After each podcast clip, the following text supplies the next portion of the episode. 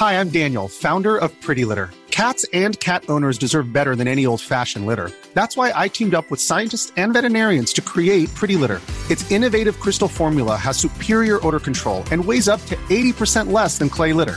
Pretty Litter even monitors health by changing colors to help detect early signs of potential illness. It's the world's smartest kitty litter. Go to prettylitter.com and use code ACAST for 20% off your first order and a free cat toy. Terms and conditions apply. See site for details.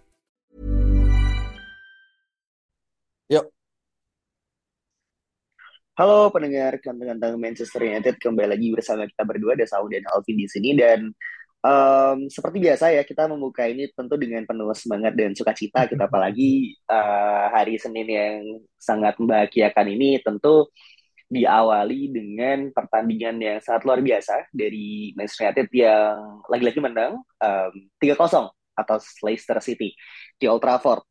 Dan gol dicetak oleh Marcus Rashford, eh, dua gol dan juga eh, Jadon Sancho ya dengan hmm. kombinasi yang sangat luar biasa di golnya gitu, Eh, assist dari Bruno Fernandes dan akhirnya diselesaikan dengan baik oleh Jadon Sancho. Nah, menurut lo Vin, em, key moment apa yang lo bisa ambil dari pertandingan semalam? Wah, kalau key moment sebetulnya banyak banget ya. Cuma Mhm, kalau mhm, misalnya turning point kali ya, turning point mhm, mhm. akhirnya MU bisa menang menurut gua ya di babak kedua itu gitu. Di babak kedua di mana pada akhirnya ada perubahan yang dilakukan sama Ten Hag dan perubahan itu benar-benar membuat permainan MU yang tadinya mungkin kita cukup under pressure ya dan harus Ya, diselamatkan berkali-kali sama David De Gea, akhirnya di babak Hmm. kedua kita berbalik menjadi tim yang dominan dan sebetulnya bisa 4 atau 5-0 gitu. Kalau ya, misalnya Wout Weghorst ini bisa lebih apa ya klinis lagi sedikit ya gitu. Mhm, mhm, Cuma mhm, mhm. apa ya ya other than that menurut gua almost perfect sih permainan MU. Ya, nanti kita mungkin akan eh, apa ya bahas sedikit lah tentang Backhouse nanti gitu. Cuman eh, menarik tadi kita kalau bilang di babak pertama kita disamakan berkali-kali oleh ya dan Ten Hag juga bilang bahwa di babak pertama main kita kayak sampah. Walaupun eh, secara scoreline kita sempat unggul 1-0 gitu ya Ya, di uh, gol Marcus Rashford di menit ke-25 gitu. Cuman memang em, secara permainan kita kayak cukup clueless ya di babak hmm, pertama gitu. Bahkan mungkin um, Alejandro Garnacho yang gue juga berharap dia bisa kasih impact tapi ternyata ketika starter dia uh, lagi-lagi mungkin akan sedikit bingung gitu ya, ketika dia harus uh, defend gitu ketika dia harus track back segala macamnya gitu ya. cuman um, seperti yang tadi lo bilang ketika Ten Hag melakukan pergantian uh, taktik gitu atau pemain di babak kedua semuanya uh, berubah gitu dan um, apa namanya dan yang menarik adalah ini adalah pertandingan ketiga uh, atau Hmm, pertandingan terakhir di mana Casemiro tidak bermain gitu. Dan gue jujur um, cukup uh, apa ya pesimis lah pada awalnya gitu karena Hmm, Casemiro kan sangat integral ya uh, di squad kita dan ternyata kita bisa meraih 7 dari 9 poin yang which is sangat luar biasa menurut gue. Ya, ya, ya. Dan Sabitzer lagi-lagi underrated dan hampir tidak kelihatan bahwa dia tuh ternyata sepenting itu ya Hmm, betul betul. di permainan gitu. Iya iya iya. Memang memang Sabitzer ini jujur ya, gue tuh sebenarnya babak pertama tuh nggak nonton men, karena gue lagi Mhm. di jalan. Jadi Ya, gue baru mulai babak kedua, tapi gue masih sempat lihat Twitter gitu. Pas gue lihat Twitter, kok pada ngamuk-ngamuk semuanya gitu. ya, Tapi ya, ya, ya. nol gitu. Ternyata memang pada akhirnya gue sempetin nonton kan. Babak pertama gue Mhm. ulang lagi, pas Mhm. gue udah sampai rumah, ternyata memang apa ya kayak MU tuh sebetulnya lima menit pertama bagus ya, bisa menguasai, bisa bikin peluang kecil gitu. Cuma and then tiba-tiba menit ketujuh, menit setelah-setelahnya tuh banyak apa ya error sih menurut gue bahkan Hmm. hampir semua pemain belakang ya termasuk gelandang termasuk Sabitzer dan Fred itu banyak melakukan error yang hampir leading to goal gitu bahkan seorang Oke. Martinez ya Martinez, Shaw dan Garnacho itu sisi kiri juga dihabisin parah kemudian Mhm. Dalot juga ada satu kesalahan Lindelof kemudian Sabitzer ada momen di mana dia juga memaksakan untuk duel udara yang udah hampir nggak dapet dan akhirnya bola Mhm. lepas ya kan Fred Mhm. juga Mhm. kemudian dia salah oper direbut dan terus berujung pada peluangnya Harvey Barnes yang menit ketujuh itu Ya. menurut gue memang babak pertama em, pemain terbaiknya ya David De Gea itu gitu pada akhirnya Mhm. gitu sih dan memang apa ya gua gua jujur pas akhir nonton babak kedua kayak gua kayak nonton pertandingan yang berbeda sih Dan lagi-lagi setelah um, apa namanya kita di musim-musim sebelumnya selalu diselamatkan oleh individual brilliance, kita lagi-lagi diselamatkan oleh hal itu ya. Dan um, De Gea, gue harus akui dia sangat luar biasa uh, ya. semalam. Dan dia juga menyamai rekornya si Peter Schmeichel ya, yang 180 clean sheet gitu. Dan itu hmm. mungkin akan mengokohkan dia sebagai legendnya United gitu. Selain uh, mesin printer itu ya, yang telat ya, mesin fax itu yang telat gitu. Dan tadi kita kalau bahas tentang Woodward Horse, gue rasa dia memang um, banyak banyak perdebatan sebenarnya gue juga sempat baca di Twitter bahwa memang dia sebagai seorang striker tentu uh, belum maksimal ya gue rasa gitu. Dan Wakers juga pasti tahu bahwa dia bisa melakukan lebih dari itu gitu. Cuman sebagai seorang pemain Manchester United dan juga sebagai uh, apa namanya salah satu sisi yang integral gitu ya dalam sebuah tim menurut gue dia sangat luar biasa ya bermain di midfield. Dan ini memberikan apa ya dimensi yang berbeda gue rasa gitu. Bahwa kita punya seorang pemain yang striker tapi defensif gitu. Yang mungkin hmm. di Premier League mungkin kita bisa melihat itu di Roberto Firmino ya yeah, sebenarnya yeah. gitu walaupun secara uh, teknikal mungkin ya masih masih di Firmino gitu cuma secara pressing dan secara um, apa namanya uh, kekuatan gitu strengthnya yeah. dia sangat sangat luar biasa sih menurut gue dan betul, itu betul. tentu membuahkan sebuah apa ya um, hasil yang menurut gue sangat luar biasa gitu yaitu ya, si ya. Marcus Rashford yang lagi-lagi mencetak dua gol 24 gol di musim ini gitu di ya, ya, ya. bulan Februari uh, dan menyamai rekornya si siapa namanya uh, Cristiano Ronaldo di musim uh, lalu. okay. Pendapat lo sendiri, Vin? Seperti apa Marcus Rashford ini uh, di semalam tuh seperti apa dan apa yang lo bisa harapkan di match-match setelah Leicester ini? Hmm, um, kalau konteks yang ngomongin fantasi Premier League ya, FPL ya, uh-huh.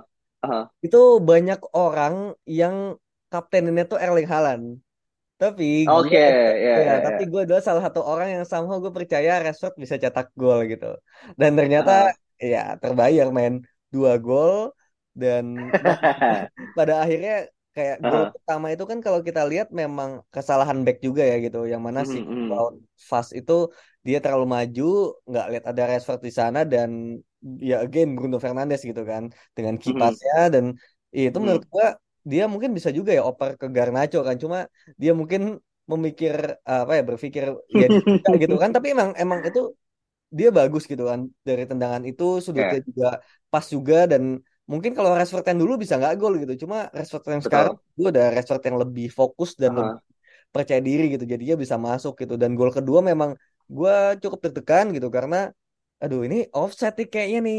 Jadi gue cukup kaget sih kalau ternyata itu onside sih kayak wah mantap hmm. juga nih. Kemarin-kemarin kita dirugikan kan sekarang kita mungkin sedikit apa ya uh, di tengah-tengah kontroversi kita sedikit diuntungkan gitu. Jadi ya gol kedua emang kill the game sih.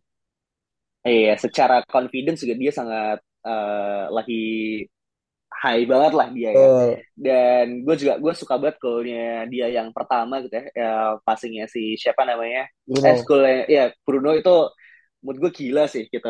Lagi-lagi Bruno Fernandes sebagai kapten ya dan di bermain di sisi kanan dia sangat integral hmm. dan juga um, apa ya Sancho lagi-lagi setelah dia turun dari gunung bikin gol yang luar biasa gitu ya, ya. kombinasi yang sangat luar biasa gue keren banget sih itu keren banget sih ya memang apa ya uh, gue ngeliatnya juga Sancho sama Garnacho ini masih mirip gitu yaitu hmm. kemiripannya hmm. adalah kayaknya emang mereka tuh lebih bagus main di super sub di babak kedua gitu kayak ya, ya, ya, yang main literally dari awal tuh kayak sama dibully aja gitu kayak lawan Leeds hmm. lawan hmm. Barcelona itu kan kayak sulit lah gitu cuma Mm-hmm. ketika di situasi tertentu pertandingan dengan apa ya mungkin banyak space juga ya kemudian Sancho nomor 10 semalam itu betul-betul apa ya almost perfect lah bagaimana hmm. bisa nerima bola di apa di belakang pertahan uh, apa gelandang-gelandang Leicester kemudian kombinasi sama Bruno gitu kayak mungkin kita biasanya melihatnya adalah Bruno di tengah Sancho di kanan kan tapi ini dibalik hmm. gitu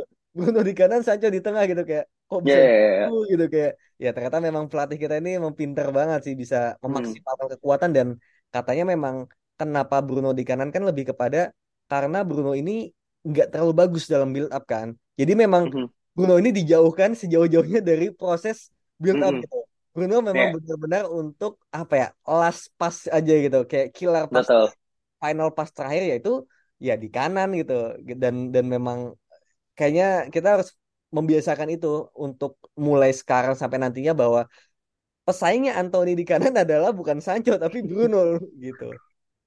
Iya iya ya, betul betul dan um, apa ya menurut gue kenapa Sancho bisa sangat bagus gitu ya di musim ini apalagi setelah dia turun gunung adalah kita semua tuh tahu bahwa Sancho itu link up nya tuh sangat bagus ya. Bahkan sejak di ya. Dortmund tuh dia bagus banget lah gitu. Dan kenapa kita tidak melihat di musim lalu? Karena ya gue rasa pelatih kita pada saat itu gitu ya um, uh, Ole Gunnar Solskjaer.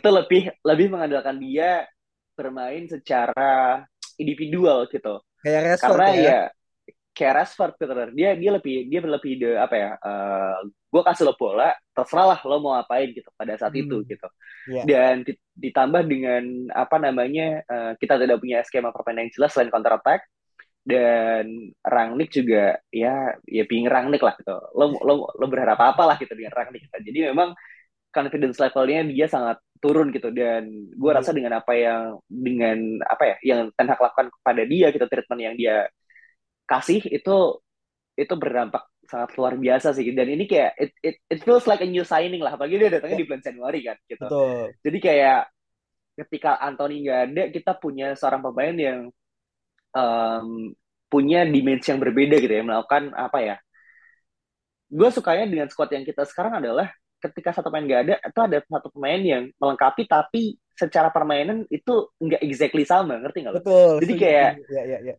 Iya, jadi kayak musuh pun nggak tahu nih sebenarnya Ten Hag tuh mau melakukan apa gitu. Dan Ten Hag iya. jangan kan musuh bisa, jangan kan iya. fans aja nggak tahu nih mau gimana kan. Bener gitu. Makanya ketika ketika Wakers diturunkan jadi pemain nomor 10 atau main di midfield kita semua kaget gitu. Oh ternyata bisa ya kita di situ gitu. Lindelof juga main di DM segala macamnya gitu. Sabitzer dan Fred juga saling ganti posisi jadi kayak Ten Hag ini memang secara taktikal, secara man management menurut gue sangat luar biasa gitu. Betul, dan itu ditunjukkan kembali dengan uh, tiga kosong lawan Leicester kemarin. Hmm, iya iya dan dan apa profile ID-nya ya kayak benar-benar Ten Hag hmm. ini tahu bahwa pemain ini tuh bagusnya di skema seperti ini dan di posisi seperti yeah. ini dan berhasil yeah. gitu kan iya. kadang-kadang yeah. ada yang mungkin coba-coba posisi tapi ternyata nggak berhasil gitu mm-hmm. tapi ini tuh kayak selalu berhasil gitu kayak anjir lu tahu dari mana sih kayak gini gitu yeah udah eh. pernah nyoba di latihan atau emang emang lu nyoba aja gitu kayak gue gue hmm. masih kayak ya gila banget sih kayak nggak ada yang nyangka kan Bruno ternyata bisa hmm. sebagus itu di kanan padahal hmm. mungkin kita ngeliatnya juga Bruno lebih bagus di kiri kan gitu ternyata di kanan hmm. benar yang lu bilang tadi um, kalau Anthony yang bermain mungkin lebih kepada stretching the apa uh, the field gitu kan di ujung hmm. gitu kan ngedelay bola tapi kalau Bruno main di kanan bisa tapi beda gitu loh kayak banyak crossing Betul. dari kanan killer pass dari kanan hmm. gitu kan jadi ya setuju banget sih tipe permainan beda tapi bisa digantikan gitu dan gak ada masalah sama sekali dengan itu gitu ah, iya jadi kayak soal Hag tuh tahu bahwa untuk lo bermain panjang gitu ya maraton itu lo orang lo nggak bisa mengandalkan dengan satu skema permainan gitu kan oh. dan yang lebih canggih adalah skema itu tuh bisa lo ganti kapan aja di dalam waktu 90 menit. Iya, itu iya. yang menurut itu yang menurut gue uh, strengthnya Ten Hag ya dan ini sangat kelihatan gitu di musim ini gitu dan kenapa dia sangat berbeda dengan si siapa namanya uh, oleh Gunnar Solskjaer di musim lalu adalah kita, kita cuma punya satu blueprint nih gitu ya itu kan iya. counter attack kan tapi setelah setelah itu kebaca um, apa namanya di musim kedua karena di musim pertama tentu kita eh sorry musim kedua ya musim kedua yeah, iya. kita yeah. peringkat kedua yeah. di musim selanjutnya itu udah udah nggak bisa sama lagi gitu karena semua tim tuh udah tahu bahwa lo tuh mainnya seperti itu gitu hmm. itu yang mungkin terjadi dengan uh, tim-tim kayak uh, Manchester City di musim ini gitu atau mungkin Liverpool ya di musim sekarang gitu karena udah yeah, yeah. udah udah sama lah gitu uh, betul, cara betul. permainannya betul betul dan, dan dengan eh ya dan Ten Hag juga kan waktu itu juga gue pasti semua orang juga udah banyak yang lihat ya videonya hmm. interviewnya Steve McLaren ya bahwa Ya, ya. Kalau misalnya tim lagi bingung tuh langsung tanya Ten Hag, what do we do gitu kan. Terus kata hmm. Ten Hag, pokoknya dia tuh selalu tahu gitu kayak selalu punya ide untuk melakukan hal perubahan dan perubahan itu ternyata berhasil gitu. Yang mana mungkin hmm. perubahan ini adalah perubahan yang unpopular dan hmm. mungkin staff pelatih juga bingung kayak ah yakin lo kayak gini. Tapi kata Ten Hag ya, hmm. ya lakuin aja gitu.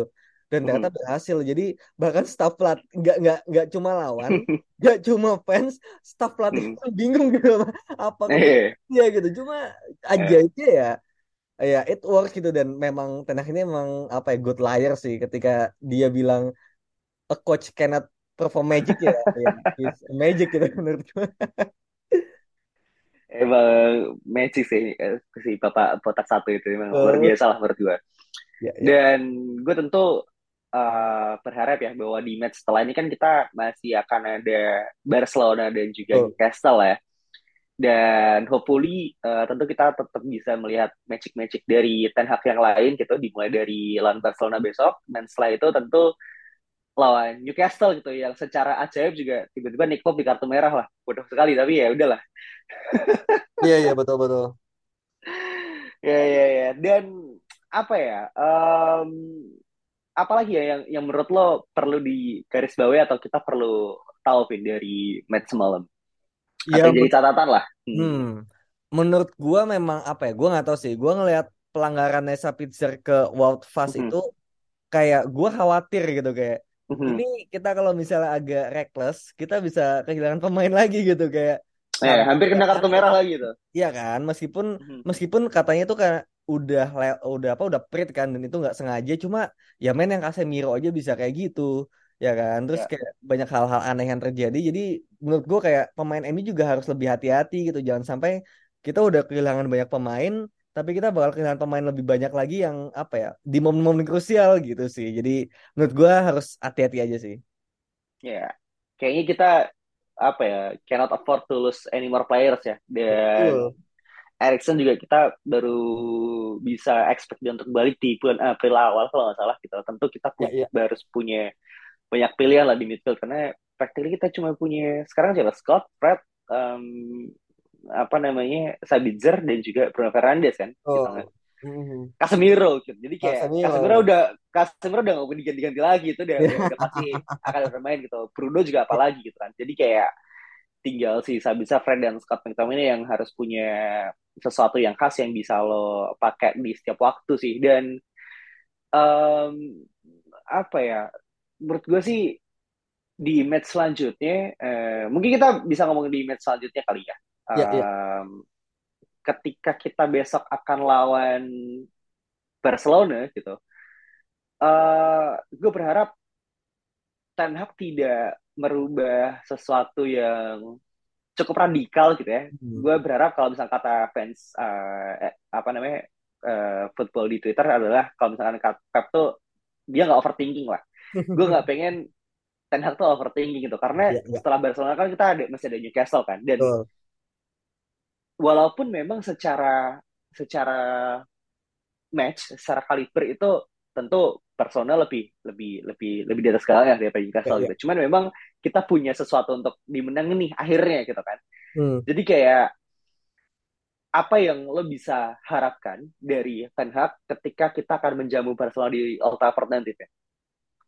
Um, melawan Barcelona, gue sih hmm. sebetulnya hmm. ya berharap dengan kembalinya Casemiro kembali ya gitu mm-hmm. kemudian mm-hmm. Ada Sabitzer kali ini gue berharap mm-hmm. memang adanya apa ya mungkin Fred ya Fred diistirahatkan gitu bukan karena dia jelek meskipun memang dia apa ya ya ya Fred being Fred ya gitu kayak satu mm-hmm. sisi dia mungkin bisa blunder tapi babak keduanya dia bisa asis gitu jadi kita pun bingung ngejudge dia ini pemain oke okay atau enggak gitu nah yeah. cuma untuk Barcelona ini dengan Fred udah ditarik kemarin ya di babak kedua digantikan oleh Scott ini juga sebuah statement bahwa Fred ini udah mulai kelelahan gitu karena kan sejak hilangnya Erikson kemudian Casemiro mm -hmm. merah itu Fred praktis main mulu 90 menit gitu. Mm -hmm.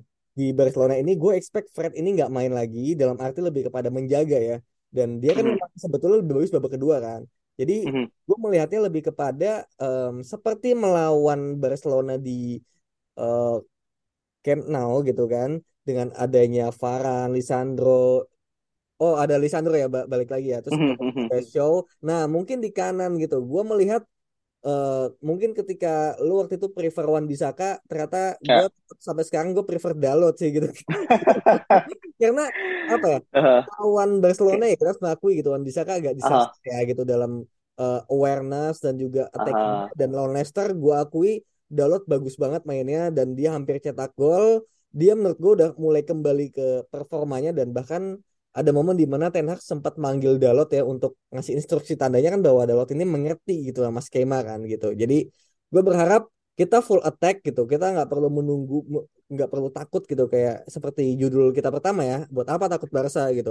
Ya, Langsung ya, attack gitu ya, dengan ya, ya. Diogo Dalot, kemudian juga Sabitzer dan Casemiro dan untuk depannya menurut gue sama aja sih seperti eh seperti biasanya ada Weghorst yang mana dia Mhm. bisa somehow dia bisa striker tapi kalau dibutuhkan di tengah dia bisa turun ke tengah. Dan itu tuh kayak yang yang lu bilang tadi ya kayak dalam pertandingan tuh Mhm. bisa switching gitu loh. Bisa tiba-tiba Bruno di kanan kemudian kalau dibutuhkan Bruno bisa ke tengah Rashford yang tadi di kiri bisa ke tengah juga gitu. Jadi kayak muter-muter aja dia dia lagi gitu gitu sih. Jadi menurut ya, ya, ya. perubahannya lebih ke Diogo Dalot dan juga mungkin Sabitzer untuk Fred sih. Sisanya sama aja. Ya. Dan besok akan jadi match pertama kita melihat duo Casemiro dan Sabitzer ya. nah betul Setelah sekian lama gitu dan tentu seperti yang Ten Hag bilang di uh, match pertama kita ketemu Barca adalah kuncinya adalah di Frankie de Jong sebenarnya. Ketika kita bisa Hmm.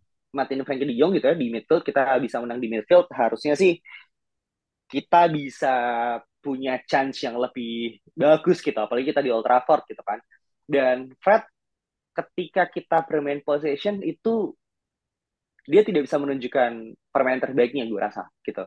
Jadi ketika justru malah ketika kita di apa namanya bermain sebagai apa ya eh, reaktif gitu ya bermain counter yang menurut gue itu akan sangat-sangat penting besok.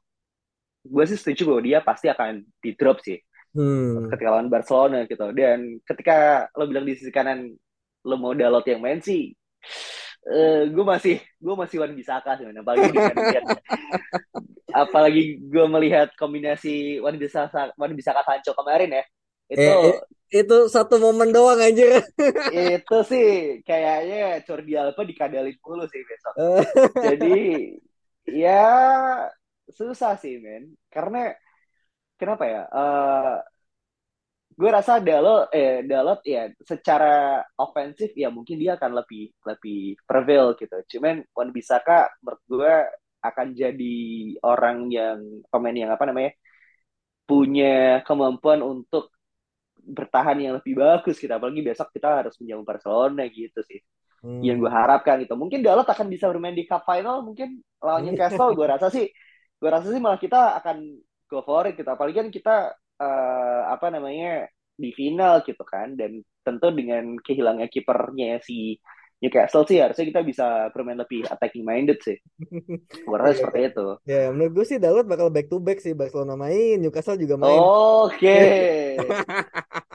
oke, ya, ya kita kita kan selalu berdebat hal ini sih. Mungkin kita sampai pagi sih. Kenapa kita harus pilih Waduh bisa gak sama Dalot ya. Cuman eh, selain itu pun gue rasa Varane sama Martinez akan tetap main Iya, ya. iya, betul. Em, apa namanya? Gue rasa kemarin juga Lindelof dimainkan karena kita harus jaga Varane ya. Betul. Dan juga di lini depan pun gue masih berharap eh Rashford without question dia pasti akan bermain dan Hmm. juga nah lo pilih Sancho atau Garnacho nih yang main duluan karena tadi lo mention mereka dua-duanya bagus super sub kan Iya, ini Anthony belum sembuh ya.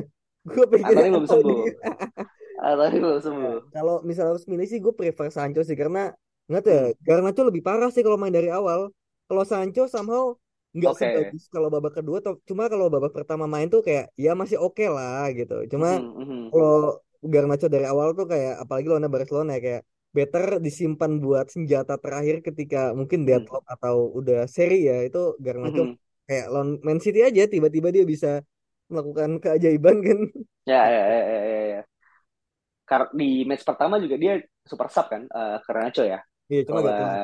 Barca cuma agak telat gitu dan mungkin Ten Hag ya lagi-lagi gue gue berharap semoga dia tidak overthinking ya karena kalau overthinking mungkin dia akan mainkan Anthony Elanga ya di sisi kanan gitu atau di sisi kiri jadi atau di tengah jadi kayak biar dua-duanya karena dua-duanya bagus super sub ya gue mainin Elanga ya deh gitu biar nggak ketebak gitu Iya iya iya.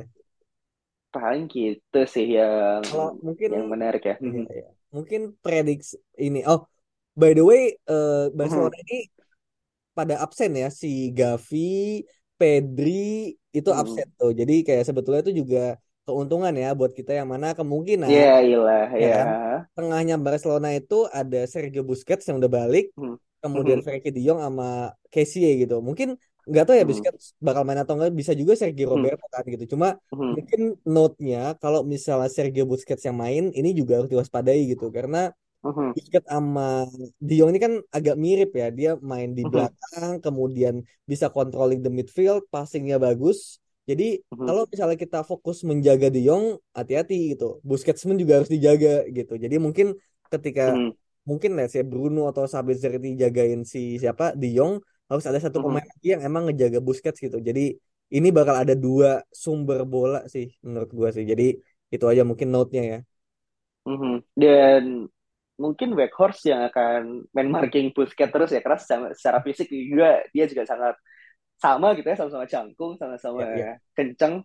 Dan kalau tadi lo mention Petri dan Gavi nggak main sih menurut gua nggak ngaruh ya karena mereka sebenarnya biasa aja menurut gue rasa bukan sesuatu yang spesial gitu ya karena kemarin juga kayaknya nggak ngaruh apa-apa tuh kayak sampai Iya. diceng-cengin eh, warganet ya sama Eh, Gavi juga Heeh. ya sama satu lagi mungkin yang gue takut Balde jadi Balde tuh kemarin kenceng Hmm. banget larinya pas gantiin Mhm. Alba ya dan cukup Mhm. merepotkan Wan Bisaka juga kayak dia gak bukan tipe uh, back kiri yang one dimensional gitu tapi kadang dia bisa bawa ke ujung kadang dia juga bisa masuk ke dalam gitu Ya, jadi ya, ya. Balde ini menurut gue bahaya sih bahaya banget sih Dan satu-satu yang gue harapkan besok eh bermain itu adalah wasit yang bener sih Pak sebenarnya. nah iya iya iya betul Ya betul kan? Karena ya Barcelona being Barcelona, right? Kita kita tahu lah mereka tipe permainnya seperti apa gitu dan bagaimana mereka sangat gampang terguling-guling ya. Jadi gue takut ketika kita mungkin ada sedikit kilaf gitu atau mungkin kayak ada momen di mana yang eh, Barcelona bisa manfaatin itu sebagai sesuatu yang eh, menguntungkan mereka sih. Gue harap kita punya wasit yang cukup fair gitu dalam melihat hal itu gitu karena em, apa ya di Europa League sendiri kan kita sempat punya pengalaman buruk ya sama wasit ya kalau nggak salah ketika Real Sociedad eh, penalti pada saat Iya, itu iya. ya Mm. eh, kena tangannya eh, Lisandro Martinez dan dua-duanya kalau nggak salah di Old Trafford.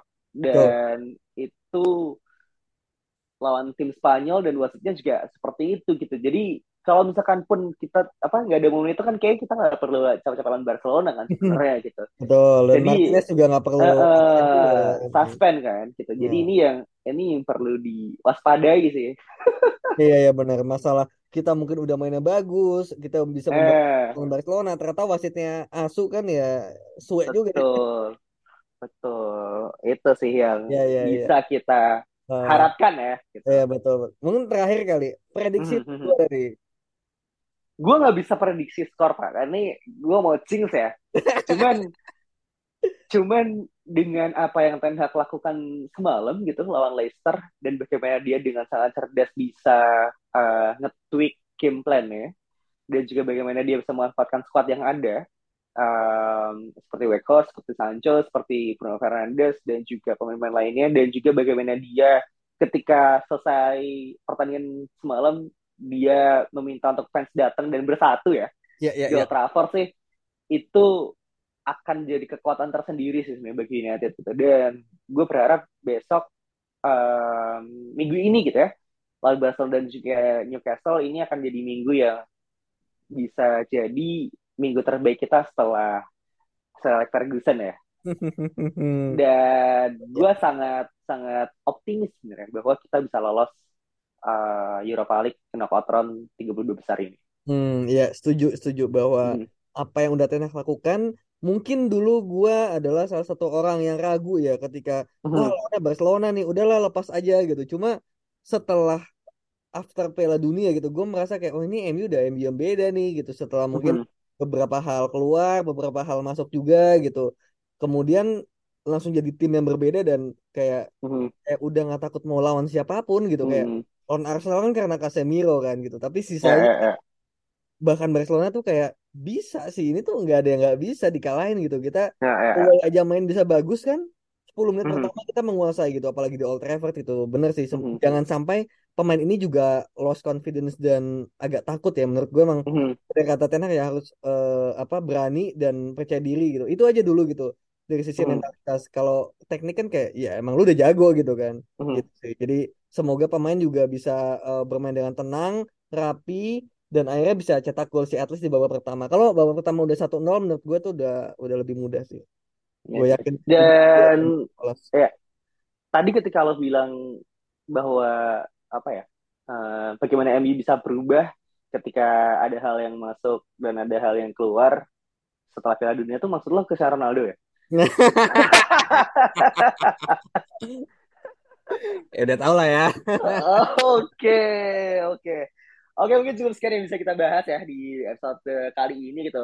Dan tentu kita semua harus berdoa bahwa minggu ini akan jadi minggu yang indah bagi kita semua. Dan hopefully ketika episode selanjutnya kita bisa lebih bahagia kembali daripada malam ini. Oke, thank you so much semuanya. We'll see you next episode. Bye-bye. Hi, I'm Daniel, founder of Pretty Litter. Did you know cats tend to hide symptoms of sickness and pain? I learned this the hard way after losing my cat, Gingy. So I created Pretty Litter, a health monitoring litter that helps detect early signs of illness by changing colors, saving you money and potentially your cat's life. Pretty Litter is veterinarian developed, and it's the easiest way to keep tabs on your fur baby's health right at home. Go to prettylitter.com and use code ACAST for 20% off your first order and a free cat toy. Terms and conditions apply. See site for details.